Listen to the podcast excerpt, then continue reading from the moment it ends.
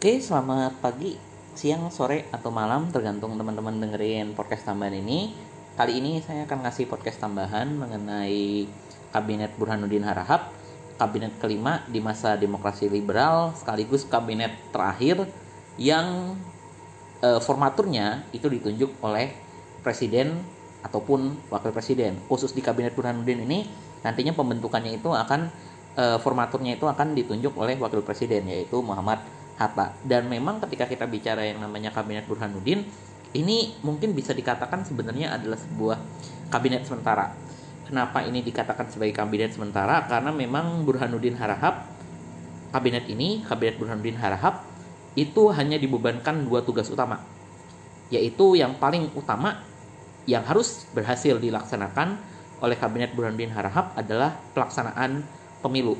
Karena sebelumnya panitia pemilihan umum sudah dibentuk di masa kabinet Ali 1 dari tahun 54 tanggalnya udah ditentukan kapan e, pelaksanaan pemilunya pemilunya yang dilaksanakan apa aja yaitu memilih yang namanya de, e, parlemen dan konstituante. Partai-partai juga udah mulai mendaftar kepada e, panitia pemilihan umum untuk ikut serta. Dalam yang namanya pemilihan umum maka memang tugas utama dari kabinet Burhanuddin Harahap ini adalah keberhasilan untuk yang namanya melaksanakan pemilu. Itu tanggung jawab utamanya. Sedangkan tanggung jawab kedua yang dimiliki oleh Kabinet Burhanuddin Harahap ini adalah yang namanya mengembalikan kewibawaan pemerintah dalam arti menciptakan hubungan yang baik lagi antara pemerintah yaitu kabinet, DPR sama yang namanya TNI. Khususnya adalah angkatan darat dan juga masyarakat. Secara umum supaya tidak ada lagi yang namanya kemelut politik dalam negeri lah. Karena memang kemelut politik dalam negeri yang terjadi antara pemerintah dengan TNI khususnya angkatan darat yang sudah berlangsung dari kabinet Wilopo sampai ke kabinet Ali 1 itu benar-benar ngebuat citra pemerintah di mata masyarakat itu dalam tanda kutip jelek ya. Khususnya kalau di kabinet Wilopo yang jelek itu adalah citra DPR karena mereka dianggap sebagai lembaga yang tidak fokus untuk mengurusi peraturan-peraturan buat rakyat. Sedangkan di kabinet Ali 1 yang udah dicap negatif itu adalah pemerintah dan DPR karena kan e, Iwa Kusuma Sumantri sebagai Menteri Pertahanan di kabinet Ali 1 banyak melakukan e, intervensi dalam kebijakan TNI. Ya taktik pecah dan kuasai yang dia terapkan ini benar-benar ngebuat apa ya? E, eh, TNI berhasil bersatu lalu menyerang balik tindakan-tindakan yang dilakukan oleh kabinet Ali 1 yang dianggap berupaya memecah belah TNI. Padahal menurut mereka keberadaan TNI itu ya tugasnya adalah melindungi negara seperti yang namanya pesannya almarhum Panglima Besar Jenderal Sudirman. Makanya itu jadi dua tugas pokok yang dibicarakan di Kabinet Burhanuddin Harahap masalah terkait program ekonomi, program politik luar negeri itu pun nggak banyak makanya nanti mungkin di podcast ini saya akan lebih banyak bicara mengenai yang namanya bagaimana pemilu 55 berlangsung dan bagaimana caranya pemerintah mengembalikan hubungan dengan yang namanya angkatan darat. Nah, pertama-tama mungkin teman-teman bertanya, kenapa sih nantinya yang menjadi formatur dari kabinet Burhanuddin Harahap itu adalah Muhammad Hatta? Kenapa nggak Presiden Soekarno? Alasan gampangnya adalah Presiden Soekarno itu pada saat itu sedang tidak ada di Indonesia. Dia sedang kunjungan ke luar negeri sekaligus yang namanya melaksanakan ibadah haji. Maka dari itu Muhammad Hatta diberikan kuasa oleh parlemen untuk yang namanya menjadi formatur dalam kabinet baru yang menggantikan kabinet Ali I. Nah, di sini Muhammad Hatta karena memang dia latar belakangnya adalah orang e, administrator, orang profesional, dia berupaya untuk menciptakan sebuah dalam tanda kutip ya zaken kabinet hampir sama seperti di kabinet Natsir ataupun di kabinet Wilopo karena memang yang jadi concern utamanya Hatta adalah kita coba memulihkan yang namanya wibawa pemerintah sekaligus yang namanya bisa ngelaksanain pemilu pertama di tahun 55 cuman sayangnya dalam tugasnya Hatta sebagai formatur sempat ada kendala ketika awalnya itu Hatta itu dalam yang namanya e, nunjuk formatur kabinet menunjuk orang-orang yang ngebentuk kabinet itu e, Hatta itu nunjuk tiga tokoh buat yang namanya ngebentuk kabinet yaitu Sukiman, Wilopo sama yang namanya uh, Asaat. Tiga tokoh ini gagal yang namanya ngebuat sebuah kabinet pengganti kabinet Ali 1 karena mereka gagal yang namanya ngejalin koalisi dengan PNI. Nah, di sini alatnya ini adalah bagaimana Hatta itu pengen semua elemen politik di kabinet yang akan baru terbentuk ini semuanya mau bekerja sama. Karena ini demi yang namanya menyukseskan pemilu. Jangan sampai ada yang namanya konflik politik. Jadi mau nggak mau Hatta pengen yang namanya semua elemen politik di dalam kabinet itu bersatu. Cuman Sukiman, Wilopo dan Asad ini nggak berhasil yang namanya ngajak PNI buat yang namanya masuk ke dalam kabinet. Ya udah mereka merasa nggak sanggup melaksanakan tugas balikin ke Hatta dan Hatta akhirnya nunjuk Burhanuddin Harahap dari Mas Cumi untuk yang namanya ngebentuk kabinet. Burhanuddin harap sama, dia pengen ngedeketin PNI dan ngasih banyak tawaran kepada PNI untuk yang namanya uh, dudukin jabatan-jabatan penting. Cuman PNI dalam tanda kutip di sini tuh ngelunjak, ngelunjaknya adalah PNI pengen yang namanya orang-orang yang duduk di jabatan menteri di kabinet bentukan Burhanuddin Harahap itu adalah orang-orang pilihan dia. Sedangkan Hatta udah ngasih garis batas bahwa kami yang akan menunjuk orang-orang yang akan duduk di dalam kabinet. Partai hanya punya kuasa, hanya punya kuasa bahwa kalian dapat jatah menteri sekian. Sedangkan orangnya yang ngisi itu adalah kewenangannya Hatta dan Burhanuddin Harahap. Karena mereka karena bisa dibilang Hatta ini nggak mau sampai ada orang-orang dalam tanda kutip ya orang-orang partai yang lebih mementingkan kepentingan partainya, apalagi mau menyambut yang namanya pemilu di sini juga Hatta sudah tahu bahwa di masa kabinet sebelumnya, kabinet Ali 1 eh, indikasi adanya praktek korupsi, kolusi dan nepotisme itu tinggi. Makanya Hatta ini mencoba untuk yang namanya meminimalisir tindakan KKN yang dilakukan oleh para pejabat menjelang yang namanya pemilu 55 sehingga kabinet yang dia bentuk ini kabinet Burhanuddin bisa jadi kabinet yang bersih makanya pada akhirnya eh, PNI itu nggak diajak koalisi dan kabinet Burhanuddin Harap ini nantinya akan terbentuk dari tiga kekuatan partai politik yaitu eh, Mas Yumi, terus ada NU dan ada PSI ditambah partai-partai kecil lainnya. Ya bisa dibilang Mas Yumi, NU dan PSI yang jadi mayoritas di kabinet Burhanuddin Harap ini udah cukup untuk yang namanya apa ya memperkuat posisi mereka di yang namanya parlemen.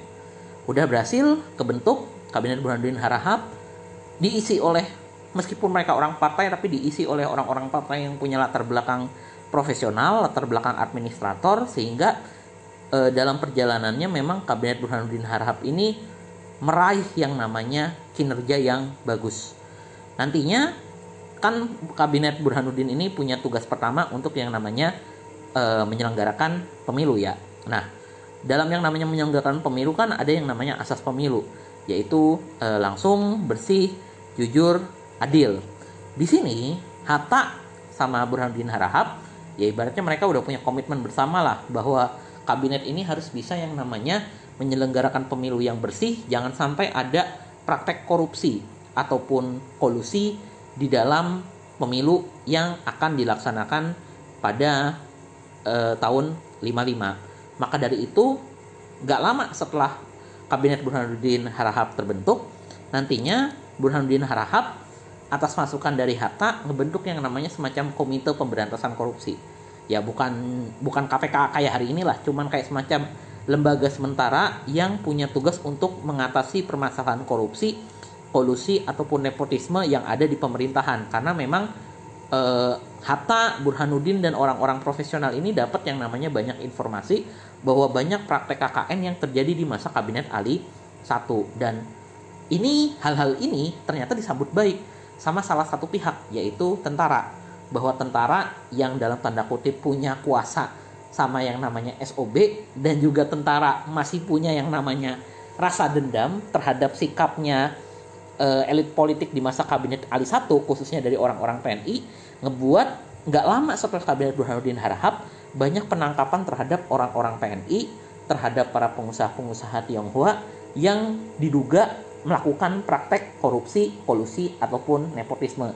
Dan itu memang akan menjadi salah satu apa ya? Salah satu goncangan dalam perpolitikan di Indonesia menjelang pemilu karena bisa dibilang untuk pertama kalinya tindakan pemberantasan korupsi berhasil dijalankan oleh kabinet Burhanuddin Harahap dan partai-partai lain pun juga banyak yang kena dari tindakan yang dilakukan oleh kabinet ini. Kalau nggak salah ada Partai Indonesia Raya juga yang jadi korban dari eh, penangkapan karena kasus korupsi, kolusi dan nepotisme yang mereka lakukan pada masa kabinet Ali 1.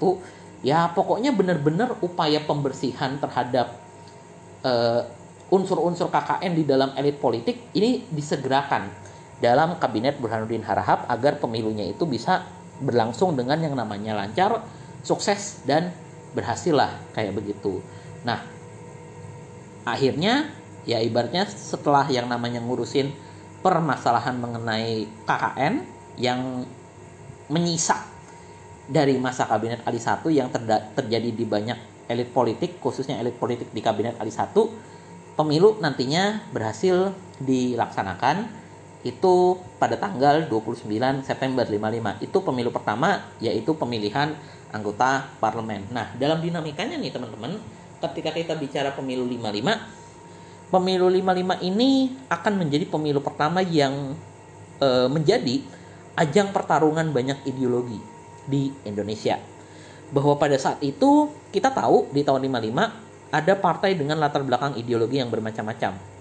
Pertama, yang menjadi mayoritas di DPR itu ada PNI. Mereka adalah partai yang berlatar belakang ideologi nasionalisme. Kedua, ada partai Masyumi. Masyumi sebagai partai dengan latar belakang Islam, ideologi Islam, khususnya Islam yang modern, ini menjadi penantang utama dari yang namanya PNI. Karena kalau kita bicara basis masa ya, antara PNI dan Masyumi ini basis masanya sama-sama cukup kuat, hampir berimbang lah. Ketiga, ada yang namanya NU, Nahdlatul Ulama. Nah, Nahdlatul Ulama ini adalah pecahan dari Masyumi dan bisa dikatakan mereka basis masanya sama besarnya dengan Masyumi. Cuman yang mungkin membedakan adalah di samping mereka ideologinya Islam tradisional, beda dengan Masyumi yang Islam modern, NU bisa dikatakan mendominasi yang namanya Pulau Jawa bersama dengan PNI. Sedangkan Masyumi itu mendominasi di daerah-daerah luar Pulau Jawa seperti Sumatera ataupun Kalimantan. Lalu yang keempat ada yang namanya PSI, Partai Sosialis Indonesia. PSI ini bisa dibilang menjadi partai yang apa ya?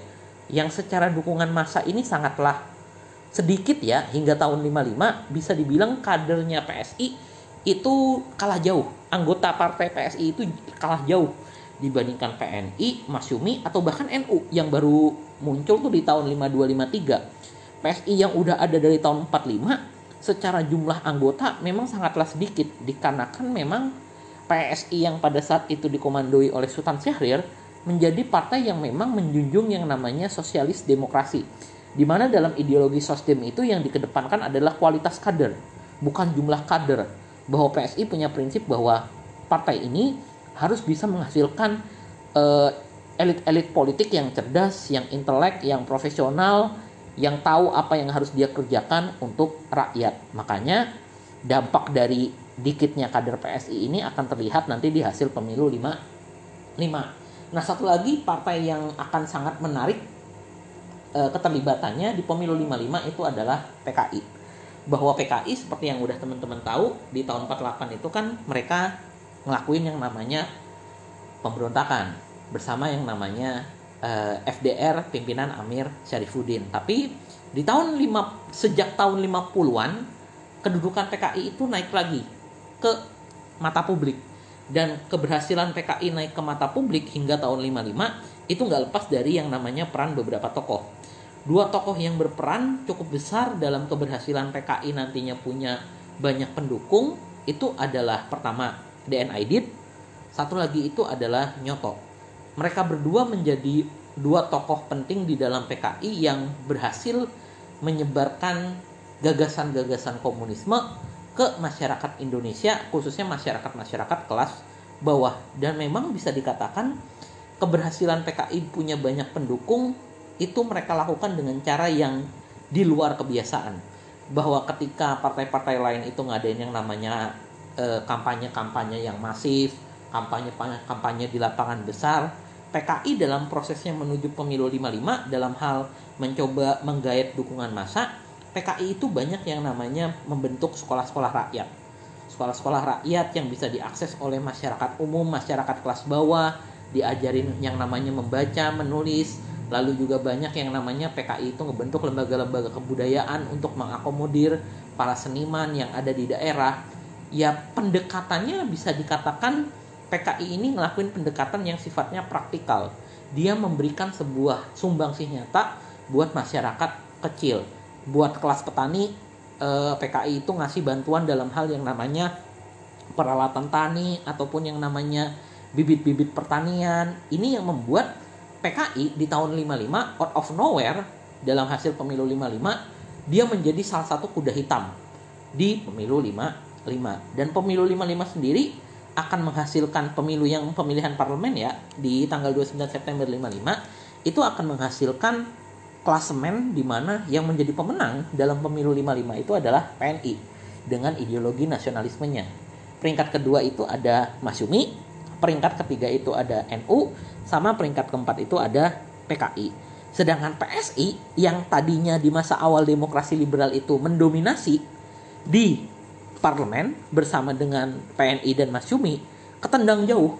Bahkan PSI itu dalam pemilu 55 dia hanya duduk di peringkat 3, 4, 5, 6, 7, 8. Di peringkat 8. Dia bahkan kalah dari yang namanya Partai Katolik. Ini adalah suatu prestasi yang ya dibilang mengejutkan nggak juga sih. Karena memang PSI ini megang prinsip bahwa mereka bukanlah partai kader. Mereka adalah partai yang menghasilkan elit politik yang berkualitas kualitas. Nah mungkin jadi pertanyaan berikutnya adalah kok bisa sih yang menang itu dalam pemilu 55 PNI dan kok bisa sih PKI itu ada di peringkat 4. Nah, ketika kita bicara PKI kenapa bisa di peringkat 4? Yaitu seperti apa yang saya jelaskan sebelumnya, bagaimana PKI berhasil menarik minat masyarakat untuk mendukung dia dengan yang namanya program-program yang memang berdampak langsung bagi masyarakat, bikin sekolah, ngasih bantuan ekonomi, bikin yang namanya lembaga-lembaga kebudayaan dan kesenian buat para seniman-seniman daerah, ibaratnya masyarakat e, merasakan bahwa PKI ini dia adalah partai yang bekerja bukan ngobrol janji, tapi ngasih bukti nyata. Sedangkan PNI, Masyumi dan NU tentu keberhasilan mereka menduduki yang namanya e, tiga besar dalam pemilu 55 nggak bisa dilepaskan dari beberapa faktor. Pertama kita bicara PNI ketika kita bicara yang namanya PNI, PNI ini dengan ideologi nasionalismenya sebenarnya yang menjadi daya jual utamanya itu adalah Presiden Soekarno. Karena memang bisa dikatakan Soekarno ini menjadi tokoh yang ngebentuk PNI sejak zaman pergerakan nasional dan sejak tahun 45 pun Soekarno selalu ada di belakangnya PNI. PNI ini kan yang dia jual eh di samping Soekarno yang dijual juga adalah gagasan ideologi yang ingin diterapkan oleh Soekarno yaitu marhainismenya. Bagaimana ngebangun sebuah ideologi ekonomi kerakyatan yang bisa e, membangkitkan perekonomian rakyat dengan asas berdikari. Bagaimana nih e, Soekarno dengan ideologi dengan dengan pikirannya, dengan keahliannya dalam berpidato, gagasan marhainismenya, ini benar-benar menyihir yang namanya masyarakat. Masyarakat itu masih apa ya? Masih terkena euforia akan kepemimpinan Soekarno bahwa Soekarno ini dianggap sebagai tokoh yang juru selamat lah bagi masyarakat Indonesia. Ya pengkultusan terhadap Soekarno itu masih kuat di tahun 55 dan masyarakat merasa bahwa ketika dia milih PNI mereka sama aja memilih Soekarno untuk yang namanya memimpin Indonesia. Meskipun pada prakteknya memang bisa dikatakan kan PNI kan punya beberapa minus. Salah satunya pas kabinet Ali 1 yang marak praktek KKN tapi memang faktor ketokohan di dalam partai dari tahun 55 sampai sekarang kan bakal tetap kuat. Bagaimana PNI lewat tokoh Soekarno-nya itu berhasil ngebuat mereka dapat dukungan massa yang begitu banyak. Mas Yumi dia berhasil yang namanya dapetin kedudukan kedua. Ini nggak lepas dari yang namanya masyarakat Islam yang uh, modern baik di wilayah Sumatera, Kalimantan atau sebagian pulau Jawa. Bagaimana masyarakat-masyarakat di situ khususnya masyarakat yang di luar pulau Jawa ya Sumatera dan Kalimantan mereka merasa bahwa uh, Mas Yumi ini adalah partai yang mewakili mereka, mewakili masyarakat di luar pulau Jawa. Bahwa Mas Yumi ini adalah partai yang berupaya mendorong pembangunan yang lebih merata. Karena mereka merasa bahwa ketika PNI ini ada, PNI ini menjadi partai yang dalam menjalankan pemerintahan itu sangatlah Jawa sentris. Terbukti di kabinet Ali 1 lewat koalisi PNI dan NU bahwa eh, orang-orang di luar Pulau Jawa khususnya di Sumatera dan Kalimantan merasa bahwa Mas Yumi adalah partai yang mampu uh, apa ya meneruskan aspirasi mereka terlebih Mas Yumi ini diisi oleh orang-orang yang di samping mereka adalah orang-orang Islam tapi mereka adalah orang-orang yang intelek orang-orang yang cerdas orang-orang kayak Natsir orang-orang kayak Syafruddin Prawira Negara itu menjadi orang-orang yang jadi tokoh panutan banget lah bagi masyarakat di luar Pulau Jawa terlebih eh, Hatta yang merupakan orang Padang meskipun dia bukanlah anggota Partai Masyumi tapi Hatta ini selalu disimbolkan sebagai representasi yang namanya orang-orang Islam yang cerdas. Karena memang Hatta ketika kita bicara yang namanya keagamaannya sangat kuat, tapi dia cerdas, cara pendidik e, cara pikirnya barat banget sehingga apa ya? muncul asumsi atau anggapan di masyarakat wilayah luar Pulau Jawa seperti Sumatera dan Kalimantan bahwa ketika mereka memilih Masyumi, mereka menghendak mereka sama aja mengkehendaki seorang pemimpin yang sosoknya seperti Harta yang cerdas, yang pinter, yang nggak banyak ngomong, tapi bisa ngasih kerja, eh bisa ngasih sumbangsih yang besar bagi pemerintahan dan masyarakat. Ya sedangkan NU, NU nilai jualnya ya hampir sama. NU sih bisa dikatakan yang menjadi nilai jualnya adalah bagaimana Islam tradisional, Islam-Islam yang dalam tanda kutip masih mempertahankan nilai tradisional nilai-nilai Jawanya itu sangat besar jumlahnya di wilayah Pulau Jawa. Ya bisa dibilang NU ini dia bisa sampai dapat kedudukan nomor tiga itu nggak lepas dari bagaimana dominasi mereka di daerah-daerah yang merupakan pusat-pusat Islam tradisional macam di Jawa Tengah dan juga Jawa Timur, Jawa Tengah, Jawa Timur sama Madura. Itu kan populasi masyarakatnya sangat besar sehingga NU bisa yang namanya jadi peringkat nomor tiga. Tapi ya kalau teman-teman tahu meskipun ada PN meskipun empat besar pemilu 55 itu adalah PNI Masyumi dan NU tapi andai kata Masyumi dan NU ini nggak pisah mereka bersatu tetap jadi di bawah nama Masyumi mungkin aja eh bukan mungkin PNI itu bakal kalah. Karena secara jumlah suara jumlah suara Masyumi sama NU kalau digabungin itu akan mengalahkan perolehan suaranya PNI ini hasil pemilu 55 nih. PNI itu hasil pemilunya dia dapat suara 8 juta 400 Mas Yumi 7,9 juta dan NU 6 juta 900 artinya kalau Mas Yumi dan NU itu nggak pecah tetap satu sebagai satu partai di atas nama Mas Yumi jumlah suara mereka itu udah hampir 15 juta. Dua kali lipatnya PNI ya bisa dibilang kekuatan Islam di pemilu 55 masih sangat mendominasi. Dan ini membuktikan bahwa apa ya eh faktor ketokohan itu bisa yang namanya dikalahkan oleh yang namanya faktor identitas agama seperti yang ada di dalam Masyumi ataupun NU. Tapi ya pada akhirnya pemilu 55 dalam yang namanya milih anggota parlemen sukses berjalan dengan lancar. Bahkan pemilu 55 dianggap sebagai pemilu yang paling bersih, paling jujur, paling adil.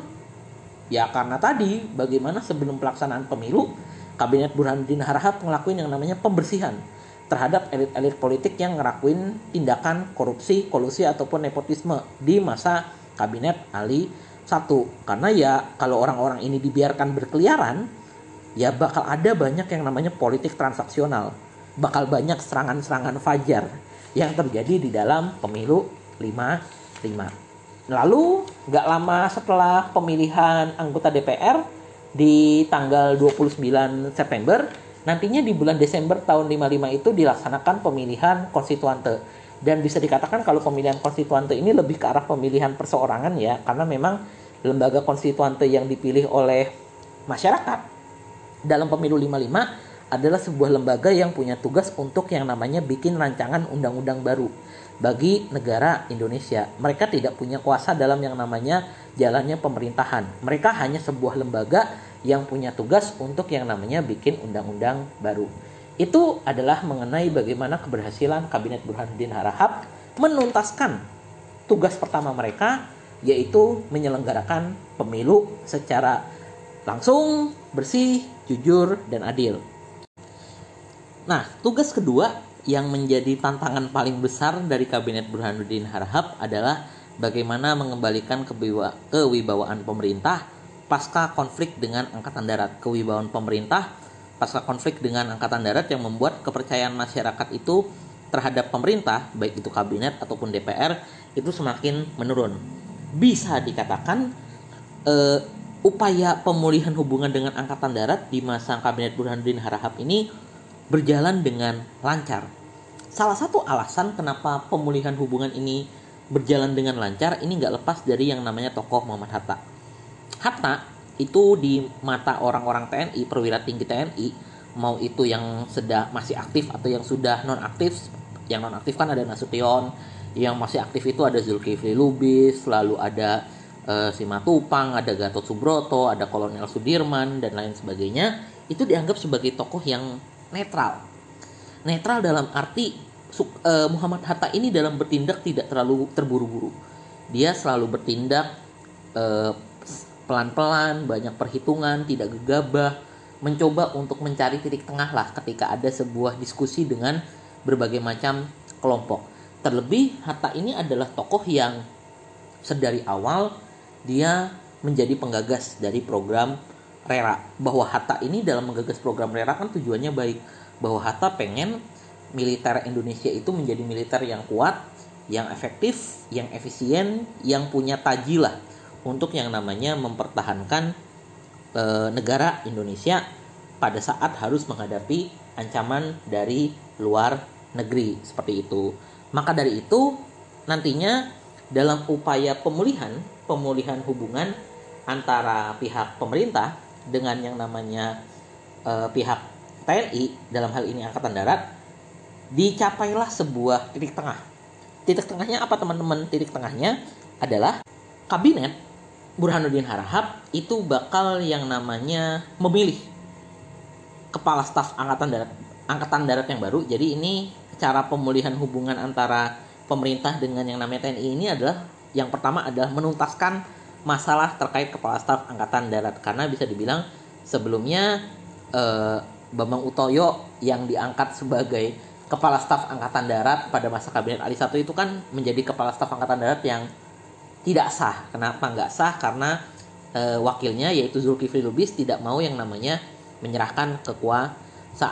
Makanya nanti e, kabinet ngejak pihak TNI dalam hal ini Angkatan Darat untuk ayo silahkan kalian ngusulin maunya pemilihan kepala staf Angkatan Darat itu kayak gimana. Nah Zulkifli Lubis sebagai wakil kepala staf Angkatan Darat berpegangan terhadap e, Piagam Yogyakarta tahun 55 di mana di piagam tersebut kan disepakati bahwa para perwira TNI ini sepakat bahwa ada kriteria-kriteria tertentu yang harus dipenuhi untuk seseorang menjadi kepala staf angkatan darat. Maka dari itu kepala eh, TNI diberikan kewenangan lah dalam hal ini untuk yang namanya milih tiga calon baru bag, uh, sebagai kepala staf angkatan darat. Nah pihak TNI dalam hal ini angkatan darat itu ngajuin tiga nama yaitu Kolonel Simbolon, Zulkifli Lubis sama Gatot Subroto sebagai penggantinya Bambang uh, Utoyo. Jadi tiga calon ini yang dicalonkan oleh pihak TNI nantinya akan coba dipilih oleh siapa? dipilih oleh yang namanya eh, kabinet sebagai kepala staf angkatan darat yang baru. Nah, di sini dalam proses apa ya pemilihan kepala staf angkatan darat yang baru bisa dikatakan ada semacam deadlock lah, ada semacam kebuntuan di antara ketiga calon ini. Sebenarnya di antara tiga calon ini adalah tiga calon yang sudah memenuhi kriteria yang ditentukan oleh pihak TNI baik itu kriteria dalam hal kepangkatan dalam hal usia dalam hal pengalaman dalam hal sumbangsihnya mereka dalam perjuangan Indonesia di tahun 45 sampai tahun 49 tapi bisa dikatakan tiga calon ini merupakan calon yang belum tentu bisa diterima oleh para prajurit TNI karena tiap calon ini punya plus minus lah. Ambil contoh, Kolonel Simbolon, dia adalah seorang pimpinan TNI yang punya kendala di latar belakang agamanya bahwa karena mayoritas orang-orang TNI ini adalah Islam, Simbolon ini dianggap apa ya? kurang tepat lah untuk menjadi yang namanya kepala staf angkatan darat. Begitu juga dengan yang namanya Zulkifli Lubis bahwa Zulkifli Lubis ini meskipun secara karir dia tinggi tapi bisa dikatakan Zulkifli Lubis ini menjadi KSAD yang secara usia itu usia dan pengalaman paling muda di antara ketiga ini. Sedangkan Gatot Subroto itu bisa dibilang adalah yang paling senior di antara tiga calon kepala staf angkatan darat yang dicalonkan oleh pihak TNI ini. Dia orang Jawa, dia senior, dia adalah uh, lulusan yang punya pengalaman yang luar biasa, bahkan terlibat dalam berbagai macam operasi pemberontakan. Cuman ya kendalanya Gatot Subroto itu hanya satu. Kendalanya adalah di masalah agamanya bahwa Gatot Subroto ini adalah orang yang menganut agama Buddha paling beda sendiri dan Gatot Subroto ini kurang bisa diterima oleh yang namanya para elit-elit DPR karena kan pasti kabinet ketika milih ini akan ditanyakan oleh DPR kenapa kamu milihnya calonnya ini? Dan Gatot Subroto ini punya hubungan yang kurang baik dengan DPR karena wataknya dia yang belak-belakan. Dia adalah orang yang paling apa ya paling sering ngebangkang lah dalam hal ini.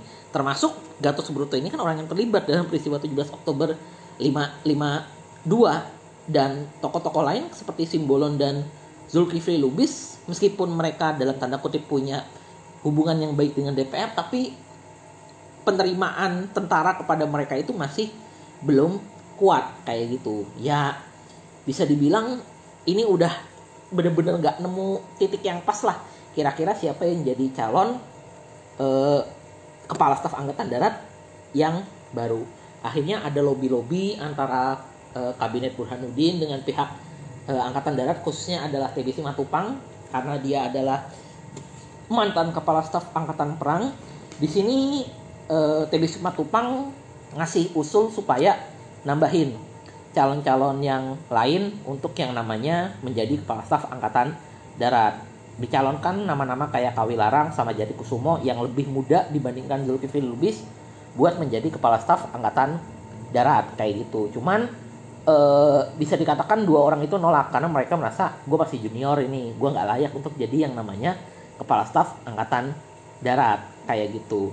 Di sini ya pada akhirnya di antara kalangan TNI ada sebuah titik temu di mana mereka merasa bahwa Nasution sebagai KSAD terakhir yang diakui dan legal oleh pemerintah itu adalah KSAD yang bisa diterima oleh semua golongan.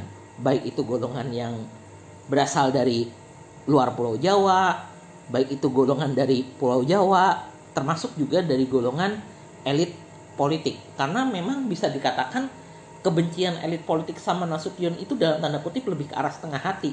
Karena memang dalam peristiwa 17 Oktober 52 Nasution itu dalam hal tindakan di peristiwa 17 Oktober 52 ini nggak sekeras bawahan-bawahannya yang pro terhadap ide-idenya dia terlebih setelah Nasution itu dipaksa mundur dari yang namanya kedudukan TNI kedudukan di angkatan darat Nasution ini apa ya nggak ikut campur dalam permasalahan politik. Dia lebih banyak nulis buku pasca dia mundur dari kedudukannya sebagai TNI sebagai orang angkatan darat. Dan bahkan Nasution pun dalam yang namanya peristiwa 17 Oktober 52 sebelum ya sebelum peristiwa 17 Oktober 52 bahkan memang dia udah ngasih isyarat bahwa kalau dia dirasa nggak nggak pantas buat jadi kepala staf angkatan darat dia oke oke aja buat mundur. Jadi bisa dibilang Nasution ini adalah tokoh yang bisa diterima oleh baik kalangan TNI ataupun kalangan elit politik termasuk yang namanya Presiden Soekarno sebagai panglima tertinggi dari angkatan perang. Karena ya Soekarno melihat bahwa Nasution ini adalah orang yang apa ya yang nggak terlalu gila jabatan lah. Dia adalah orang yang kalau merasa diminta mundur ya dia siap mundur. Bahwa Nasution ini dianggap sebagai orang yang benar-benar bertanggung jawab akan yang namanya tugas-tugasnya makanya pada akhirnya kelompok TNI baik itu yang dulu pro sama peristiwa 17 Oktober ataupun kontra terhadap peristiwa 17 Oktober sepakat. Mereka satu pendapat bahwa tiga calon ini yang tadinya dicalonkan oleh mereka ditarik mundur, kami nyalonin satu orang tunggal aja, yaitu siapa? Yaitu Nasution. Nasution diajuin ke kabinet dan kabinet pun ketika ngajuin ke Presiden Soekarno, oke, okay, fine, nggak masalah dengan Nasution.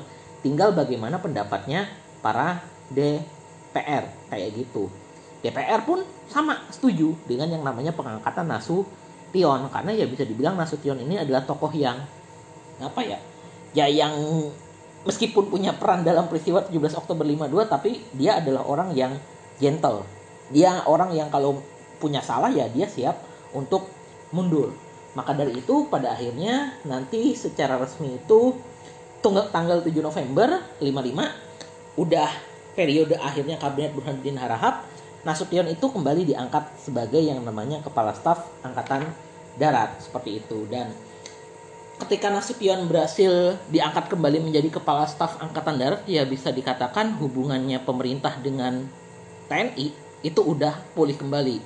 Berkat yang namanya kabinet Burhanuddin Harahap. Karena memang dalam hal penunjukan kepala staf angkatan darat ini ada komunikasi.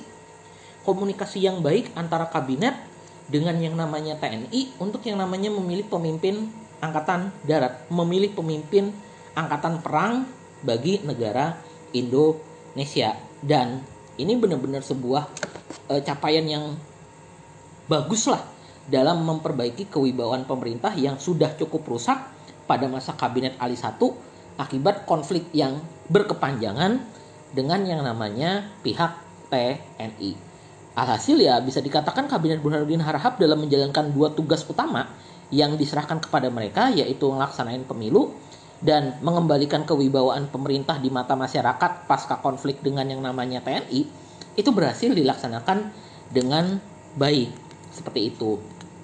Untuk yang namanya masalah ekonomi ataupun masalah politik luar negeri ya bisa dikatakan tidak ada peninggalan yang cukup banyak ya di Kabinet Burhanuddin Harahap hanya di kabinet Burhanuddin Harap ini dalam hal ekonomi mereka sudah ngelakuin yang namanya perencanaan untuk yang namanya melakukan e, pembukaan terhadap investasi modal asing sekaligus nasionalisasi terhadap beberapa perusahaan asing di Indonesia. Jadi di masanya Burhanuddin Harap ini udah dibikin rencana untuk yang namanya merubah perusahaan-perusahaan asing yang udah tidak beroperasi lagi atau udah nggak ada niatan dari pengusahanya untuk melanjutkan bisnisnya supaya dinasionalisasi menjadi milik negara. Biasanya yang dinasionalisasi di yang direncanakan dalam kabinet Burhanuddin Harap adalah perusahaan-perusahaan asing yang esensial, perusahaan di bidang listrik dan lain sebagainya, kayak begitu.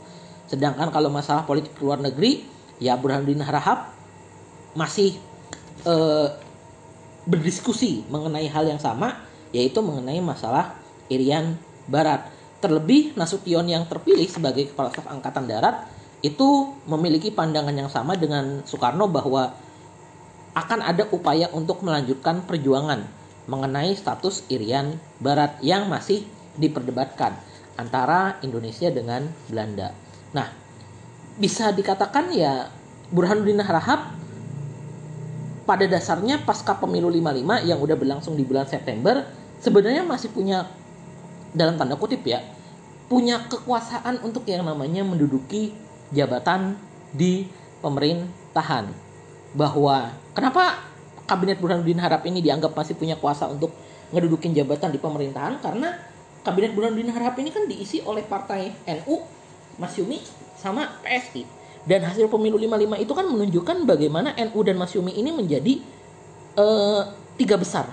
Bahkan suara mereka kalau digabung lebih dominan dibandingkan yang namanya PNI. Artinya kalau di DPR anggota dewan mereka lebih banyak dibandingkan PNI. Cuman nantinya bisa dikatakan kabinet Burhanuddin Harap ini nggak bisa dilanjutkan karena beberapa alasan.